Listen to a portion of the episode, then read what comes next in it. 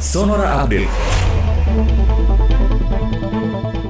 Selamat sore sahabat Sonora. Ketua Komisi 10 DPR Saiful Huda mengkritik rencana pemerintah mengenakan pajak pertambahan nilai atau PPN terhadap jasa pendidikan melalui revisi Undang-Undang Nomor 6 Tahun 1983 tentang ketentuan umum dan tata cara perpajakan.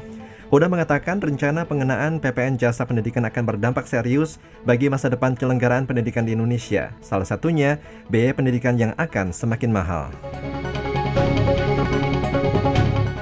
Penelitian terbaru menunjukkan bahwa faktor lingkungan seperti perubahan suhu lingkungan dan kepadatan penduduk berperan dalam penyebaran COVID-19.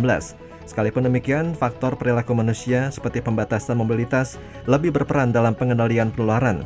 Studi yang dipimpin oleh para peneliti dari Imperial College London menunjukkan peran kondisi lingkungan dalam penularan virus corona.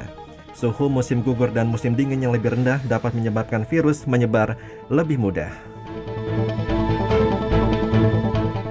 Polisi di China menangkap lebih dari seribu orang yang diduga menggunakan mata uang kripto untuk pencucian uang atas hasil penipuan telepon dan internet yang terjadi baru-baru ini.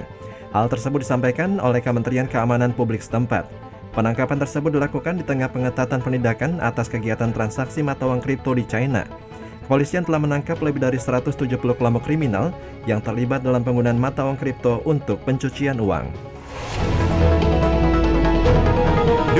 Sonora Update.